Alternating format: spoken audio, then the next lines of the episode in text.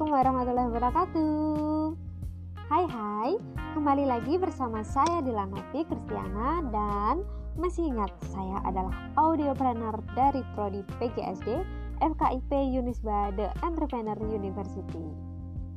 Kali ini saya akan mengajak pendengar semua untuk bersama-sama memahami macam-macam pendekatan supervisi di antaranya ada supervisi ilmiah, supervisi artistik, dan supervisi klinis.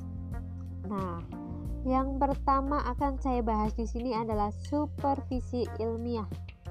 Hmm, bagaimana sih supervisi ilmiah ini bisa muncul? Supervisi ilmiah muncul paralel dengan perkembangan metode penelitian ilmiah. Pendengar tahu nggak? Sebelum seperti sekarang, Supervisi ilmiah dulunya berkenaan dengan aspek-aspek penilaian guru, penggunaan tes standar, pengukuran objektif dalam pengajaran, dan pendekatan ilmiah organisasi dan administrasi supervisi guru. Selain itu, supervisi ilmiah mempunyai ciri-ciri sebagai berikut.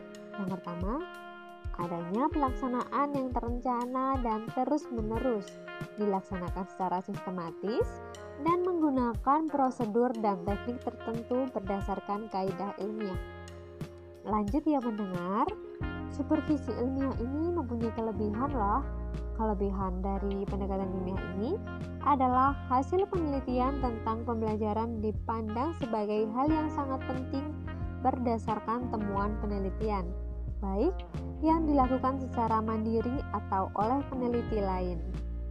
Dapat diketahui mana pembelajaran yang efektif dan mana pembelajaran yang tidak efektif.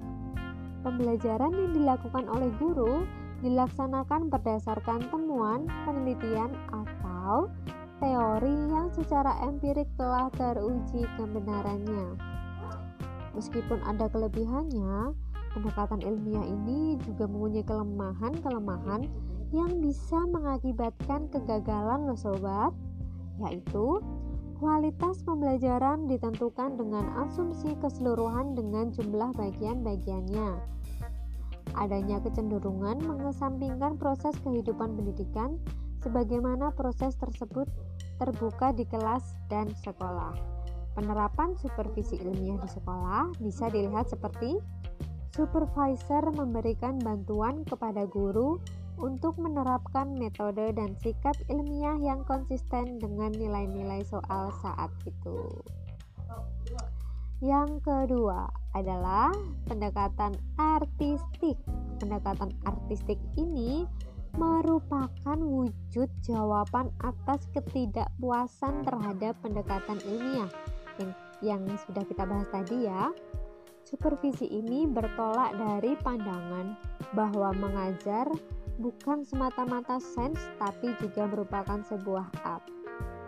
Dalam sudut pandang pendekatan artistik, keberhasilan pembelajaran tidak dapat diukur dengan keberhasilan pembelajaran yang lain yang berbeda pelakunya dan berbeda konteksnya.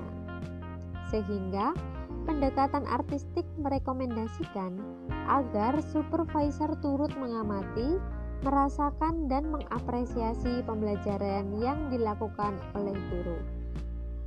Pendekatan artistik juga mempunyai kelebihan dan kekurangan, di antaranya kelebihan dari pendekatan supervisi artistik sendiri ialah terlihat dalam melihat fenomena pengajaran. Dalam hal ini, supervisor melihat secara teliti, halus, dan dikaitkan dengan gejala yang lain. Peristiwa yang sama mungkin memiliki penyebab yang berbeda, sehingga pembinaan yang dilakukan supervisor bisa berbeda pula sesuai dengan persepsi supervisor. Selain itu, kelemahan dari pendekatan supervisi artistik ini adalah tidak semua supervisor mampu mengapresiasikan fenomena secara tepat. Mungkin dari segi waktu juga agak lama ya sobat. Peran pendekatan artistik di dalam sekolah bisa dilihat dari apabila pendekatan artistik ini diterapkan akan ada peningkatan kualitas pembelajaran yang ada di kelas dan memberikan motivasi pada guru karena adanya supervisor yang konser terhadap dunia pendidikan memberikan wawasan kepada guru, khususnya nih guru-guru muda yang memiliki idealisme terhadap dunia pendidikan. Yang ketiga, lanjut ya. Yang ketiga ini adalah supervisi klinis.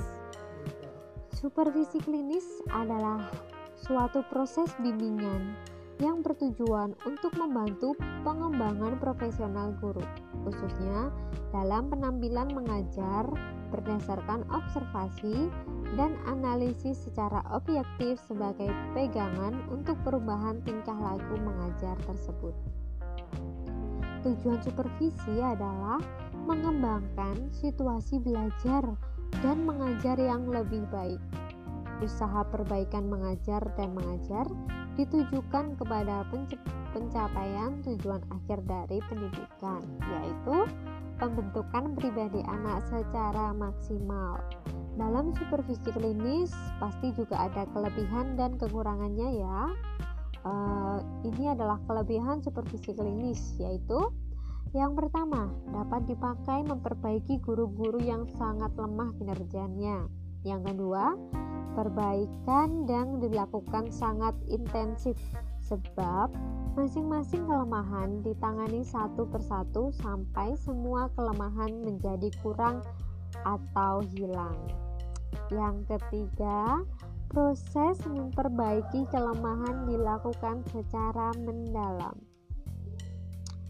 Kalau tadi sudah kelebihannya, pasti ada kekurangannya, dan kekurangannya ini uh, terlalu mahal sebab membutuhkan waktu yang panjang karena kelemahan diperbaiki satu persatu dan menyita pikiran serta tenaga yang besar sebab dilakukan secara mendalam agar agar intensif. Praktik supervisi ilmiah dalam sekolah bisa dilihat ketika kepala sekolah melakukan supervisi klinis atas dasar permintaan guru yang mengalami kesulitan dalam melaksanakan proses pembelajaran. Nah, jadi pendengar masih ingat nggak kita tadi sudah bahas apa saja?